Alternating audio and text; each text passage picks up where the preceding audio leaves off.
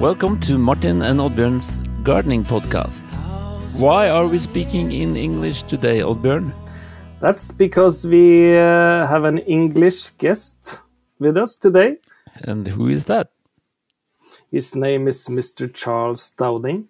And he's uh, Mr. Charles, he has over 500,000 subscribers on his YouTube channel.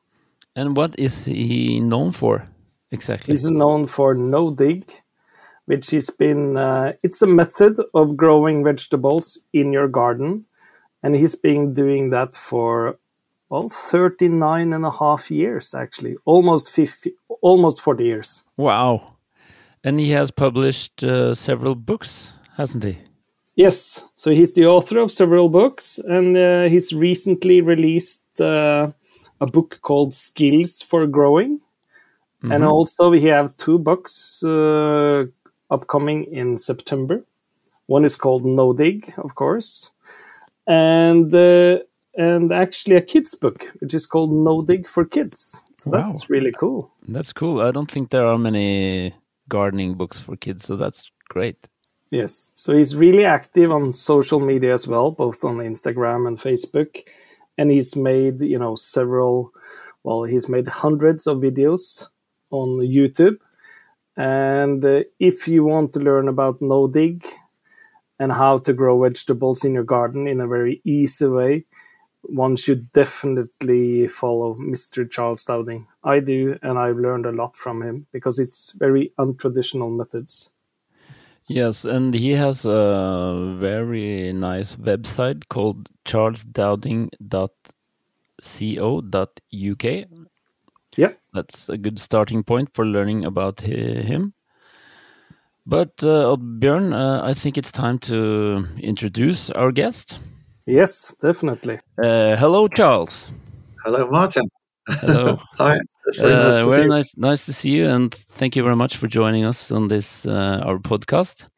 Uh, first of all, I wanted to ask where are you working from? Uh, I understood that you are in the southwest of England. Is that correct? Yeah, exactly. It's uh, 120 miles, oh, 200 kilometers west of London and 50 kilometers south of Bristol. And we're about 50 kilometers from the Atlantic Ocean. So it's the climate here is maritime temperate fairly mild. We don't have too much frosty weather and very little snow. So now you it's, it's snow free over there. very yeah. yeah. Have you got snow? Yeah, a lot now actually. Yeah. And it's snowing outside now like crazy. So I'm actually wondering if my daughter will be able to bring the car home again or if she needs to ah, we get off somewhere. Maybe once every 20 years that might happen. yeah. But we looked at your climate zone. I think that it's the frost. Well, I think it it ends almost well maybe a few weeks before our time in Oslo. But I think the difference is that you don't have the snow and you don't have the frozen ground as much. So that so probably you get a head start, but you need to hold yeah. back a bit even though yeah i mean we we we're uh, here i'm in a, my microclimate is i'm in a frost hollow in a valley. So we can have a frost as late as the middle of May here. So I have to respect that and not plant too many potatoes before yeah. then, tomatoes and things. So it's a little bit late in that respect. But in other ways, you know, like just today, we've been sowing onions and spinach and cabbage and lettuce and coriander and fennel and kohlrabi, lots of things, so we can get the early vegetables going. Yeah, but you you grow them, but you set them in the greenhouse, right? Yeah, this is always undercover. In fact, I grow nearly all my plants as transplants in modules. Mm. I've the only plant vegetables I sow direct are carrots, parsnips, and yeah. potatoes and garlic. Yeah. But do you do you use any electricity to heat the greenhouse or any uh, grow lights and stuff like that, like I do? Yeah, no, nothing actually. No, I'm I'm off grid, and so tomorrow or Wednesday, we're going to take my car trailer to the local horse yard and get a ton roughly of fresh horse manure. That's manure with the straw. That, that helps it to heat up nicely. Within two days, that heap, 1.2 meter cube, can be 60 centigrade. and then that serves as a heat mat, if you like, for the plants which we put on top of it, or the seed trays on a pallet. Oh, that's really smart.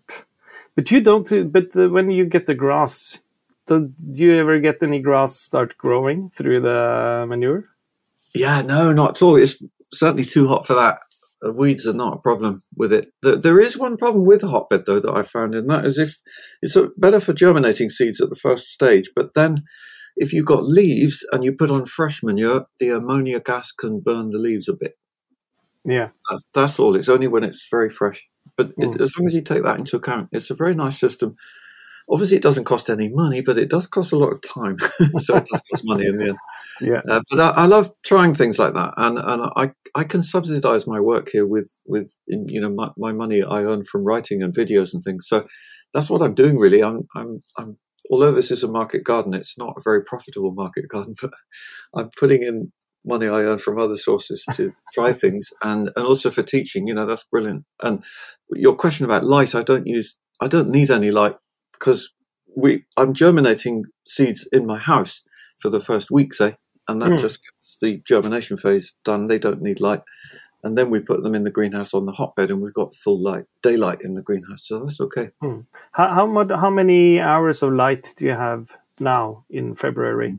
It's, it's, it's about eight and a half. Well, it's about eight and a half hours, or pushing nine now between sunrise and sunset. So yeah, more than you guys.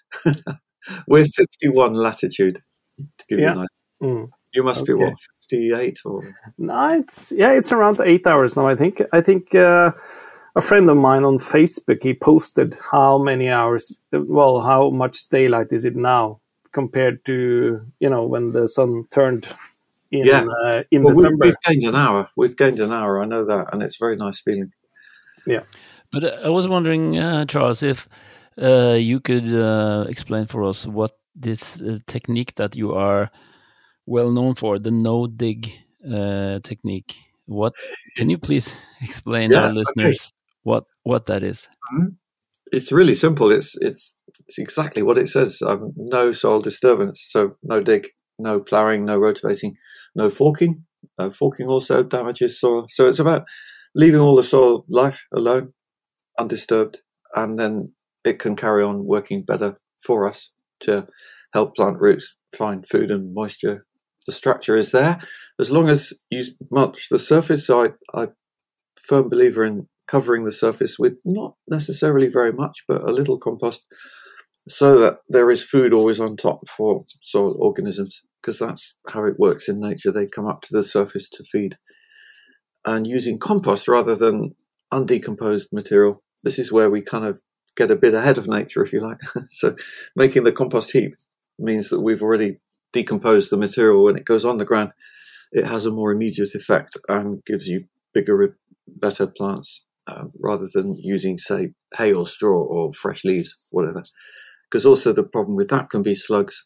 So I find generally this method is very good against slugs because because you're not disturbing the soil ecology, which includes things like beetles, ground beetles.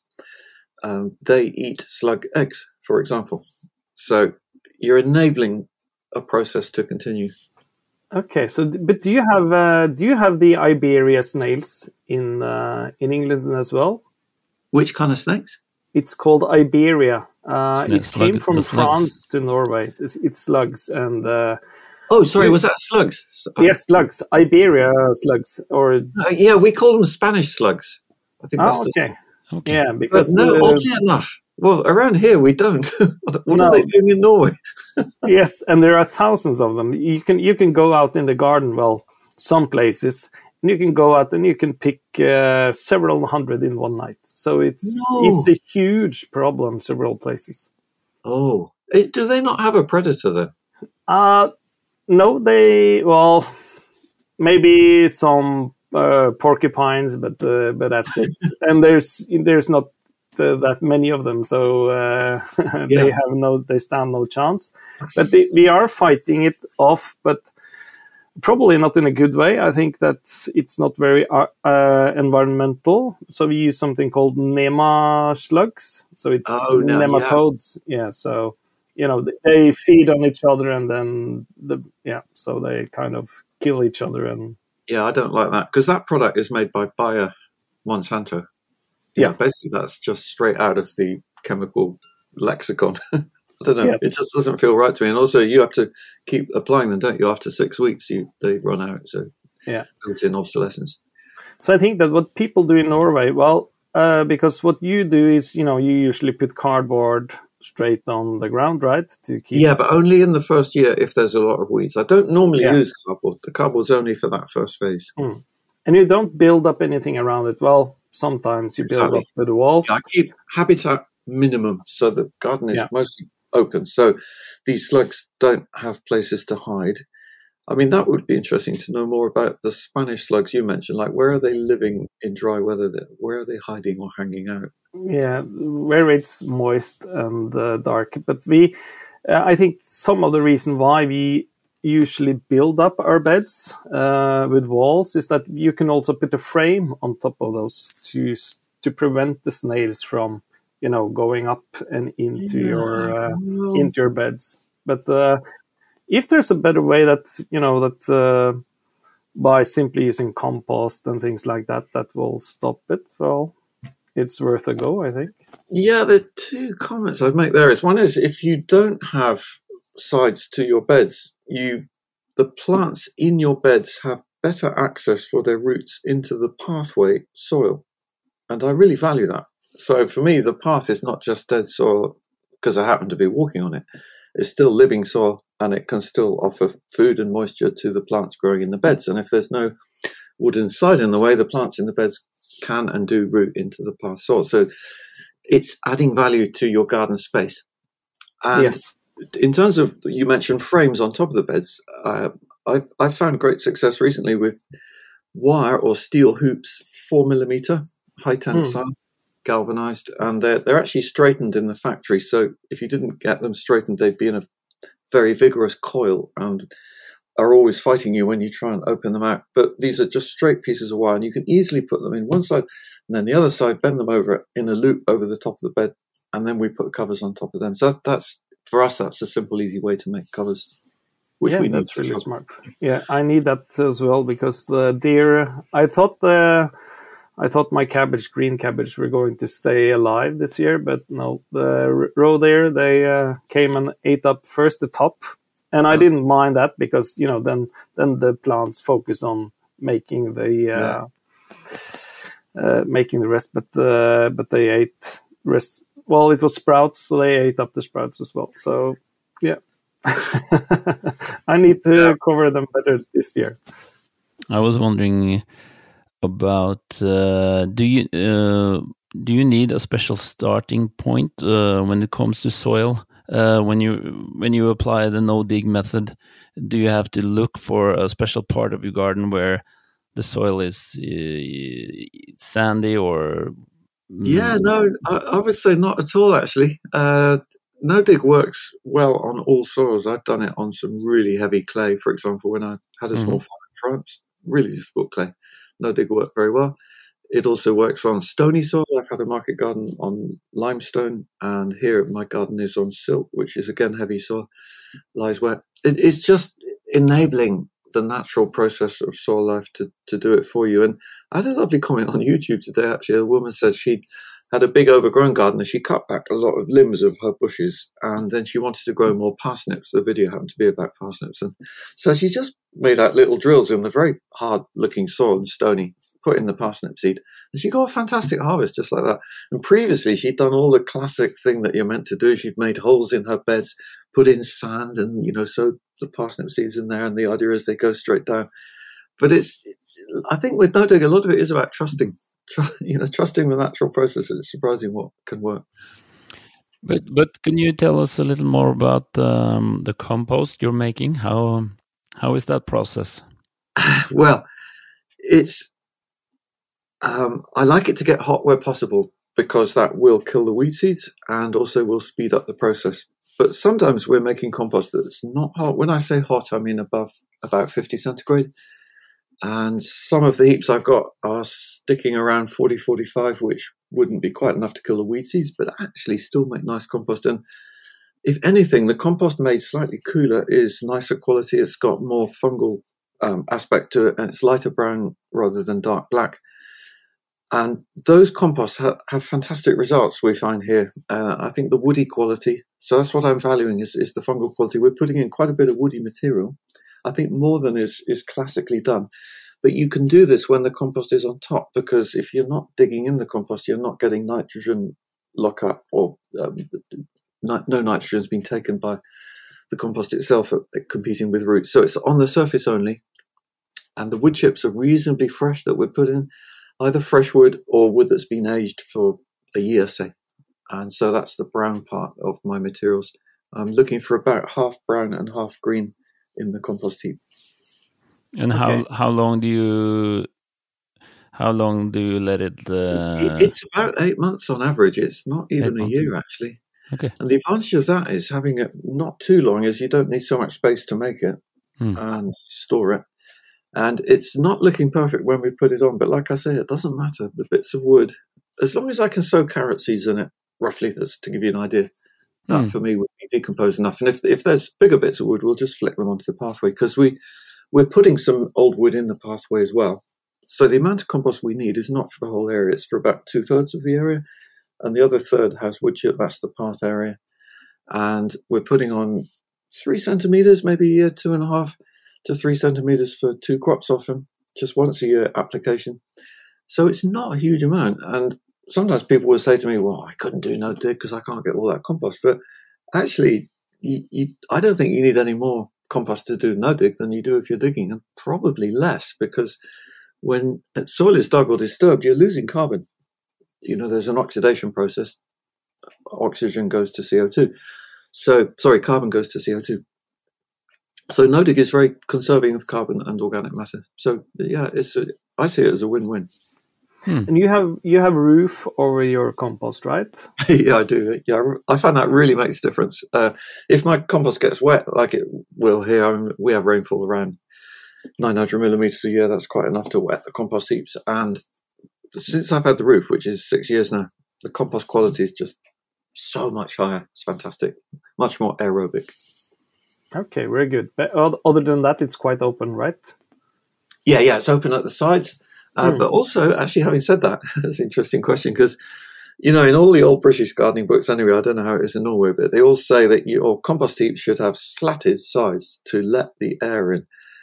Which, if you think about it, doesn't really make sense because then if your air, if air was flowing into your compost heap and through it, it's going to dry it out and cool it down. And yeah. I found the solid sides actually work better because it holds in the moisture, it holds in the warmth, and we get more even compost making process right to the sides of the heap. So I'm using solid sides, or we have planks of Douglas fir wood which we screw, and there's no gap between them. Mm. Perfect. How did you how did you discover no dig, or when did you start using the method? Ah, I got interested in it exactly 40 years ago, actually, well, 39 and a half, autumn 1982, I was starting a market garden and I rotivated to start because I didn't know any other way. Um, 6,000 square meters of old pasture. So I had all this soil and then I took a spade and made beds. So I shaped up beds without sides. And then, then I thought, what am I going to do next? Are these beds permanent? Are they going to stay there? I didn't know much about it. And, and I found this book by an American woman called Ruth Stout she talks about no dig. This was in the 1940s, 50s, 60s, so it's been around a while. There's also an English gardener who wrote about it in 1940s, F.C. King. Um, but I just developed the idea, and what Ruth Stout was doing was mulching or covering, feeding the soil with hay, old hay. And that's because her husband was a farmer, he had old hay. Anyway, I tried this. I bought some old hay, see what happened. and then I put out my plants in the spring, and they all disappeared slugs. and then I went back to her book. Oh, this is not fair. She didn't mention slugs. Come on. And it turns out she was from Connecticut. I mean, she's dead now, Ruth Stout, but I'd love to have met her actually. She sounds a really nice woman. Um, dry climate, very dry climate, no slugs. So she could use hay. So that taught me a lesson already. You know, you've got to adapt your method to where you are. And with what I'm doing, I'm sure for your Norwegian climate, there'll be some differences you know, but the, the principles stay the same. That's the important thing. And anyway, so I dared to, to do this no dig that she was talking about, switched using from using hay to using compost. which I wasn't using so much actually in those days, um, maybe one centimeter a year, and but not cropping so intensely, and, and it worked basically. And, and, the biggest advantage of all, I think, is is the fewer weeds. You know, just weeds don't grow the same. And that's what I was most worried about. When I started market gardening, I'd been looking around market gardens before that. They, they were frightening me. You know, there, there were just so many weeds there. And, and the guys, they were not happy, you know, because they were always kind of fighting nature, really. You know, the weeds were telling them something. you know, we need to heal yourself. Uh, that's how I see weeds. And so if you have a lot of weeds, you know, have just reflect on why they're there. And definitely the, the process of covering them rather than um, trying to root pull them out is much more effective, I reckon, and better for the soil. Do you do you have uh, a plant, well, a, a, flower called dandelion? yeah, dandelion. Yeah, yeah, that's all. I'm sure you do as well. Yeah, we have a, and I have a field uh, right next to my house that's full of them. You know, there are. Probably hundreds and thousands of them, and you know it's it's a huge problem because you have to I have to go and look uh, to my beds, uh, you know, all the time and pick out because they they kind of just seed everywhere in the bed. Oh, the seeds are blowing in. Yes. Oh well, look, you know, so that's really funny. You should mention that because uh, we just posted on my Instagram account this evening how to make dandelion coffee. yeah, well, I know people. We, we we actually have there. There are so many of them here that people come and pick them to make wine because oh, cool. Yeah, yeah, I can imagine. Yeah. I've done that. And, and I mean, the leaves are okay to eat, but not too many, maybe. Yeah, I yeah. mean, I'm, I'm, the same actually here. We've got a lot. And, and last summer, I was pulling out a lot of dandelions. It's not too difficult, though, if you catch them small, is it, before they get the big taproot? Mm. So yeah, that's just that will be the same though. Whatever you're doing, I think. Um, I, I brew a lot of beer, so I'll probably stick to that instead of okay. making wine. right. But just to be clear about um, uh, so so the adding of the top layer of the compost that yeah. that uh, that will prevent the the weeds from uh, from growing. Well, that's the principle. no, it's not quite as simple as that. Because uh, I mean, if you put if you simply put say three centimeter compost on top of dandelion, mm. which are already established, they will grow through. And that's where the cardboard is brilliant in the first year. Mm. This is what I call year one. If you're starting from a lot of weeds, that's where you put cardboard down first, then the compost on top. And then usually by the time the cardboard is finished decomposing, the, most of the weeds are dead. Some dandelions might not be. And then you could just pull them out, but they'll be much weaker and easier. And what we find generally is weeds pull out much more easily from compost than they do if you have sticky soil like normal. Yeah, I, fi- I fill my beds with grass clippings, and that actually helps a lot because it's a lot easier to pick out because it okay. hasn't been able to yeah. grow the full way down into the soil yeah. yet. So it's it helps sure. Keep uh, moisture and also preventing. But I, I think there's to... another aspect to this. You know, just looking at why weeds grow. Why why why do we have weeds? Or you know, we're getting into quite deep water here because you also then maybe need to define a weed and oh, okay, so a weed is a plant in the, the wrong place. You know, it's just what we don't want. So it's it's a voluntary plant. Yeah. Why is it growing there? And I, I, think there's a strong element of healing the soil. So um, in in our part of the world here, we have a saying that chickweed follows the rotavator. And so chickweed, do you guys know that one? No. Ah, I'm sorry, I should remember the Latin name and I can't. It's um, very low growing, bright green, grows a lot in the spring especially. It likes moisture and it has a little white flower and then drops loads of seeds. And the roots are really tough. They're thin, wiry, and the action of chickweed roots is to bind soil. It's, that's why it's really hard to pull it out because it's all tenaciously holding onto the soil. And the saying we have here, the farmers say chickweed follows the rotavator. So they get their machine out, they chop up the soil, and the soil is in a really bad state. Then it needs to heal basically because it's it's broken. It's it's disturbed. You know, if you think like us people, when we're disturbed, we need to recover. And so, same idea, needs to recover, and chickweed is the weed for that. So, I, you know, I've had experience of this myself. I've done it, and I know the problem. So, chickweed follows rotavator, but when I don't rotivate, and and which I haven't now for a long time, the soil is um, undisturbed. You just don't. I don't see chickweed here anymore. It's mm. just not there because it doesn't need to be. So weeds are definitely doing something for us as well as being annoying. and yeah. if, if, if you learn a bit of that, I think it can help you to see ways. And the thing of compost, you know, going back to your original question, uh, Martin, about the does compost stop the weeds growing? It it does, but I, I, would say as long when your soil is really healthy, that's when it's most effective. If you put a little compost on top of infertile soil, shall we say, or soil that's you know just not in very good condition, it will still grow a lot of weeds because they need to be there. But in time, it, as you get your soil better and better, you get less. And you, you mentioned that you don't rotate your crops. I don't rotate. No, no, I no. don't. I certainly don't believe in the four-year rotation. That that I find crazy. I mean, it, that comes from uh, farming methods of 250 years ago, when you know it was to do with sheep and growing turnips for their food and that kind of thing. And it's just an extension of the medieval three-year rotation. So with no dig, I think because the soil is healthy, more healthy, you don't need it so much. Uh, there's enough nutrition there all the time. And I'm doing a trial here just to find out more. So we're coming into the eighth year now. We've done seven years in a row of growing potatoes in the mm. same bed. Hmm. And so far, there is no decrease in yield. The health is still very good on those potato plants every year. In, in this climate, though, I can follow them with leeks. So what I'm doing is I'm doing potatoes, leeks, potatoes, leeks, potatoes, leeks every year. Hmm. so at the same, the same place. Yeah, in the same place, and the leeks yeah. also are in the same place. That, hmm. and, and we've now just had seven seven years of leeks, and the harvest was again very good. No extra rust or no more disease problems. Hmm. Um, so yeah, you know, I'm not not saying that that rotation has no value. I can see the sense of it on in some farming situations, particularly, but I think less so in gardening. And I, I certainly don't think it needs to be too strict. No, very good we can yeah. all have more fun. yeah, absolutely.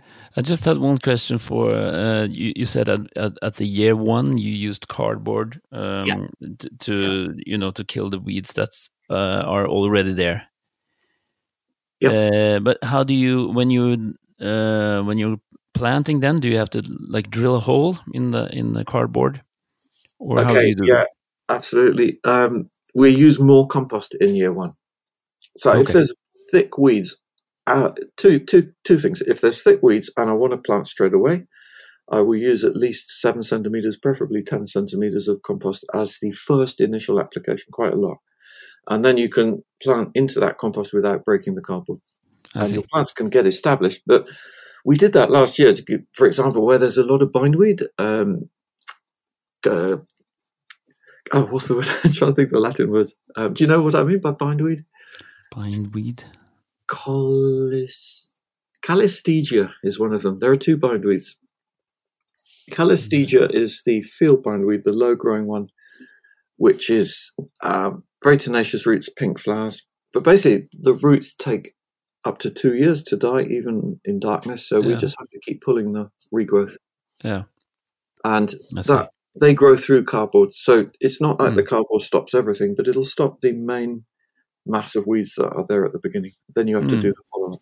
Hmm. And the point of using cardboard, Martin, is that you you you prevent all the light, so it dies because it doesn't get any light. And if you have holes, then it will get light, and then it will grow up through those holes. So the exactly. point is, you know, total darkness for a certain amount of time, and then the cardboard box dissolves.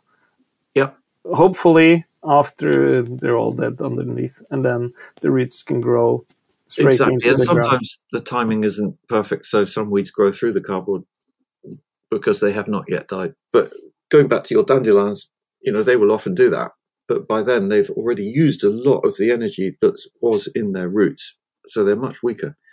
And at first, it can look discouraging. Like you get, oh, all these weeds have come through the cardboard. But actually, they're quite weak. And you, you keep pulling them maybe two or three times, and then they just stop, literally. And I've had that experience with couch grass. Elymus repens, for example, which people who are digging find really difficult to get rid of because you dig it and then you break the roots and then a little bit grows again. But with no dig, you can have 100% clearing elimination because no plant can survive very long in darkness. Hmm. That's the idea. I see. And something else that uh, you do well, which I learned from you, is uh, you know what separates your technique from on from the traditional is that you multi-sow. Oh yeah. Can you explain what the multi-sowing is? It's a beautiful method. It's been around a long time. I mean, I didn't invent multi sowing, but I certainly elaborated it and discovered new ways of doing. It. Also, I think new ways of explaining it because it's it's a way of keeping the friends, the mates together. So um, it, it, links to companion planting as well. It, it's it's in that same bracket of understanding. So you know, just if we look at companion planting, for example, what is that? What does it mean? And it's been traditionally thought of as some plants like other plants. And what's been not looked at enough, I think, is just the whole thing of proximity. Very few seedlings, particularly when plants are small, they don't like to be a long way from nearby plants. And way back in 83, I did a little trial. I had two beds of Brussels sprouts.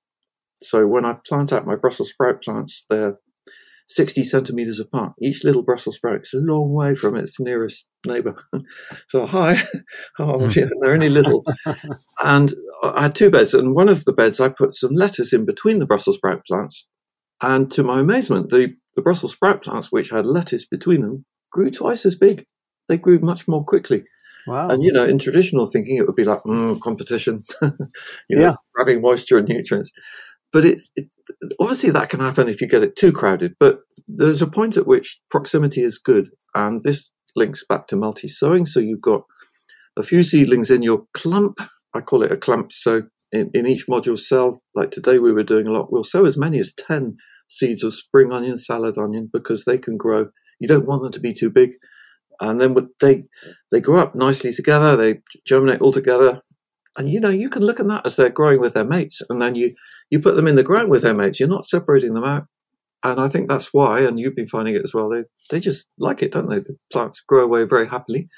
Plus, we've got the benefit of all of those seedlings. Like, say you've got a tray of 60 module cells with an average of, say, eight spring onions. They, seeds don't all germinate.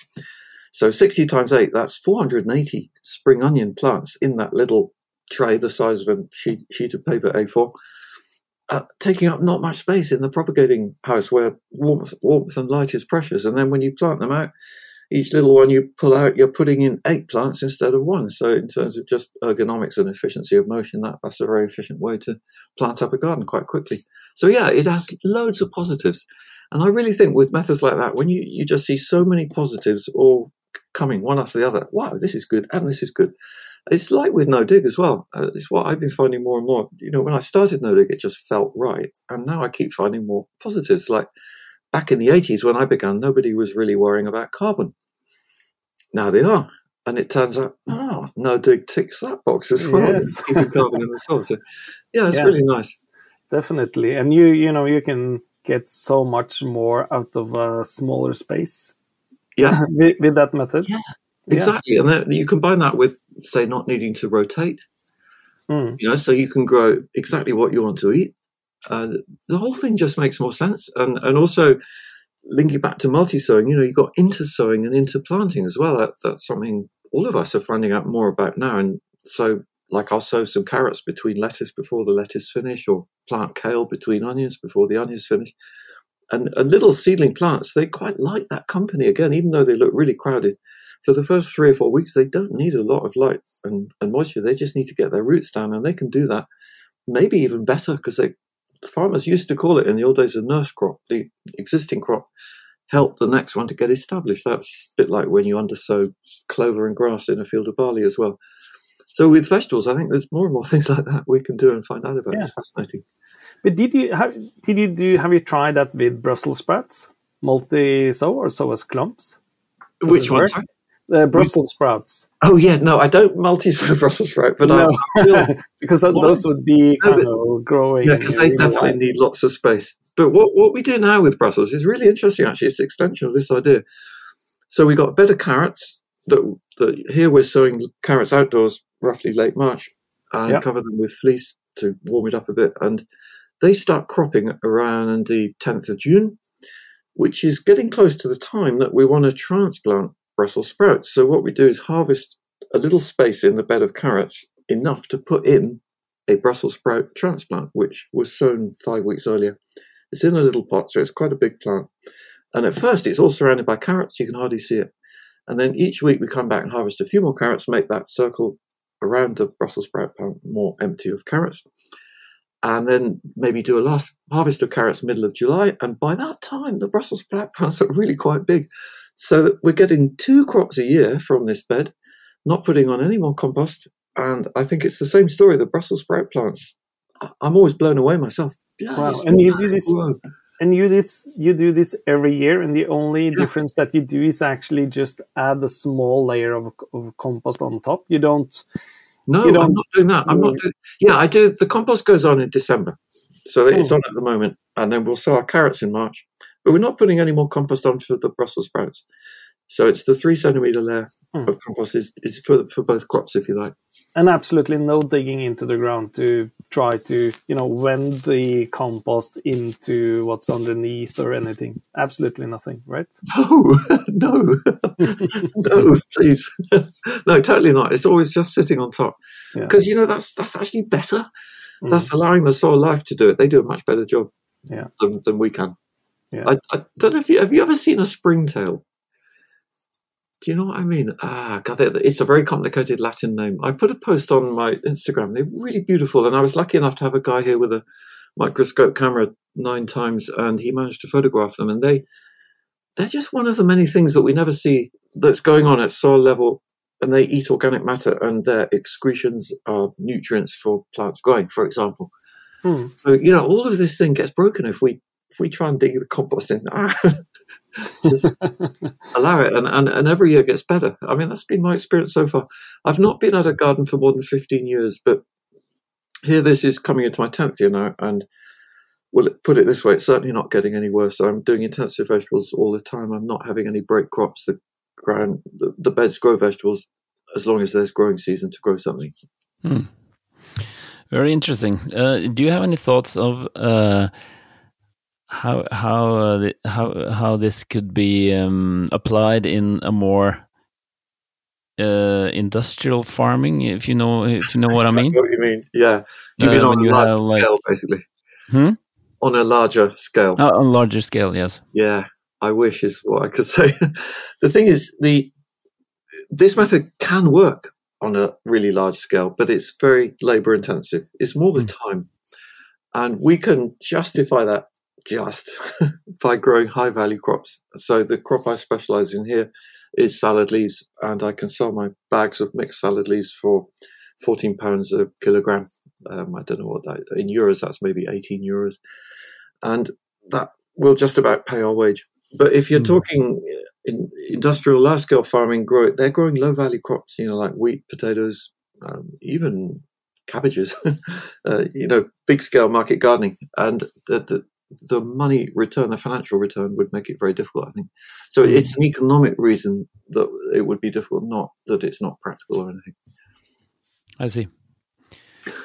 What's important when you're selecting, you know, the vegetables you are selecting? Is it is it really important? Do you need to? What do you consider when you know picking out the the typical sorts that you use? Um, you're talking about getting manure to make compost. No, no, I'm talking about you know what what kind of vegetables do you sow, and what's important that uh, you know you have several varieties of uh, broccoli, for instance, you know, and you probably have your favorites. So, what are you looking for when okay. when you're selecting um, what to grow? Well, I'm looking for a plant that has good vigor for sure wow, that's kind of common sense. But more than that, I'm looking for a plant that has a decent amount of edible harvest. And that opens up quite a can of worms because a lot of plant breeding has been neglected of traditional heirloom heritage varieties have been not properly selected by the plant grow the seed growers and the quality has been declining. And so I'm finding sometimes I need to use F1 hybrids, and I'm not saying I like to use them, but that's where I'm looking for. There's one called Claret, C L R A E T. That's a yeah. hybrid, and it, the the broccoli it grows, the purple sprouting broccoli in April, is just phenomenal compared to the old open pollinated varieties, which have not been properly looked after. Having said that, there's uh, the the company I really like is in Germany called Bingenheimer, and I dare say some of your listeners might be using them, and you might have someone equivalent in Norway as well. It, it needs a really good seed company. I I think in, in our climates, and you more more so, you know, you need a quite a long season, decent season to grow good seeds and have time to dry them on the plant, preferably ripen. And that's where more countries, more southern Europe, have the benefit. And Bingenheim is just about doing all right. And but what I like about them is they're selecting their their seeds correctly. And so I know that when I buy seed from them, it's going to do what it says on the packet. And it's like um, there's a variety of beetroot I've been growing now for 40 years. And every year it gets worse. You know, it's got the same name on the packet. Mm. I, what I've noticed is every year there's more roots that are misshapen, that maybe long and thin instead of round. They're pink, not red. They they they look more like chard. They've got loads of thick leaves and not much root. You know, it still calls itself a beetroot, and that's because the farmers growing the seed in the field have not been roguing. It's called taking out the bad ones before they collect the seed. Ah, mm. so th- those kinds of things all come into play. It, yeah, it's a big story. yeah, I understand. And you have uh, you bought the neighbor garden, haven't you? Yeah, I I did. That happened just totally out of the blue. I wasn't planning it at all, but she said I could be interested in selling. I said, "Oh, I could be interested in buying." And, and it, it's the same size as the one you have from before, isn't it? Yeah, a bit bigger actually. It's mm-hmm. uh, four thousand square meters. Previously, I was cropping only one thousand out of three thousand homemakers. It was three thousand square meters, and I was using a third of that for my cropping. And now I've gone up to about one thousand four hundred square meters. It's not, it's still not huge. It's a very small market garden, but it, it's fun having the land around you know, where we've made the pond and we're going to plant some probably coppicewood and we've got beehives and all, all those kinds of things and a, nice shed. and yeah, we'll see how it goes. I, I'm not a planner though, so I don't really have a big master plan for this area. Okay. I really like, for me, it's really important to evolve with it and, and be out there. I'm just not the sort of person who can sit down with a sheet of paper and draw things. I've got to be there and feeling, experiencing it, and then I can see what what might work. Yeah, in the middle of that field, there's a big pond right now. You know, was that something that used to be there, or was it something that you discovered? Uh, yeah, no, that was my idea. Um, there is a wet corner. Where it is, it's more in the corner actually, where there's a bit of wet ground. It's the lowest point of the field, and so it's my son who's really good with a digger, and he's good at understanding how water flows. And he re- reckons that using we can use the ditch water, which is a little bit higher up. That's the plan we don't we you know this is evolving as well. It could change it. That's how it is at the moment. So now you're going to produce your own water. Oh right okay. Yeah no yeah water you, know you use that water to to to water your own plants? Oh yeah no i don't have a use for it. Actually no it's for wildlife. It's totally for wildlife. Okay. But water is fascinating. I'm a great fan of the work of victor schauberger. I don't know if you've come across him in austria he, about 100 years ago. And he's the guy who, who invented copper tools actually which i use his grandson makes them now in Austria. That's a whole other story. You know, there's so many of these amazing things going on just a bit below the radar. Oddbjörn, do you have any last uh, questions? Any last questions? I think uh, we, uh, I think our listeners and me have learned a lot today, and uh, absolutely, it's really great. And one thing I thought about just to round up and see if I'm actually understood it correctly is that since I used raised beds, well, since I used you know with um, with the planks mm-hmm. on the sides, probably then I need to have actually have more soils soil upwards than I would need if I didn't build up on the sides. Am I correct?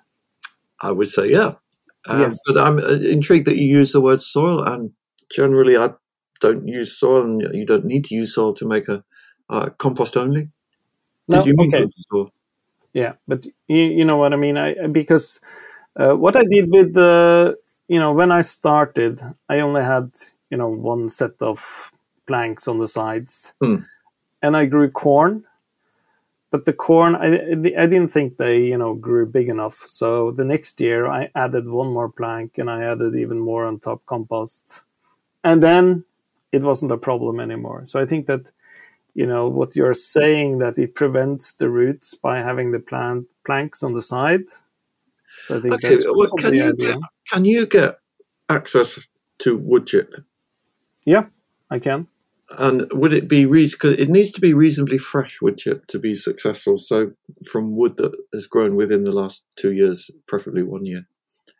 I mean, that is a fantastic material to build up the depth of surface on in your pathways.